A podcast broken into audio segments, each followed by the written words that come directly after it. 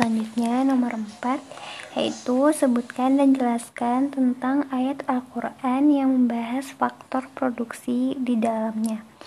Nah, jadi ada beberapa ayat Al-Qur'an yang membahas tentang faktor produksi. Yang pertama, ayat yang berkaitan dengan faktor produksi tanah dalam surat Al-Sajadah.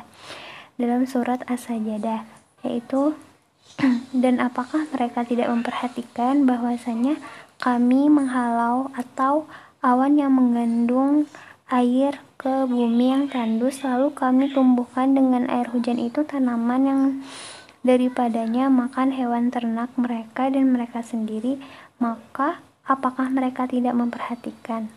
Selanjutnya, ayat yang berkaitan dengan faktor produksi tenaga kerja dalam surat Hud ayat 61 yaitu dan kepada Samud kami utus saudara mereka Soleh Soleh berkata Hai kaumku, sembahlah Allah sesekali, tidak ada bagimu Tuhan selain dia. Dia telah menciptakan kamu dari bumi atau tanah,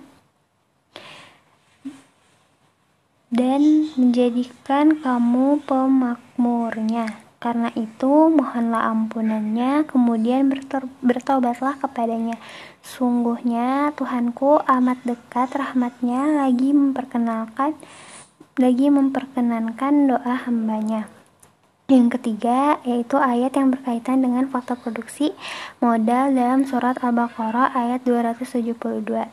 Bukanlah kewajibanmu menjadikan mereka mendapat petunjuk, akan tetapi Allah lah yang memberi petunjuk atau memberi taufik siapa yang dikehendakinya. Dan apa saja harta yang baik yang kamu nafkahkan di jalan Allah, maka pahalanya itu untuk kamu sendiri.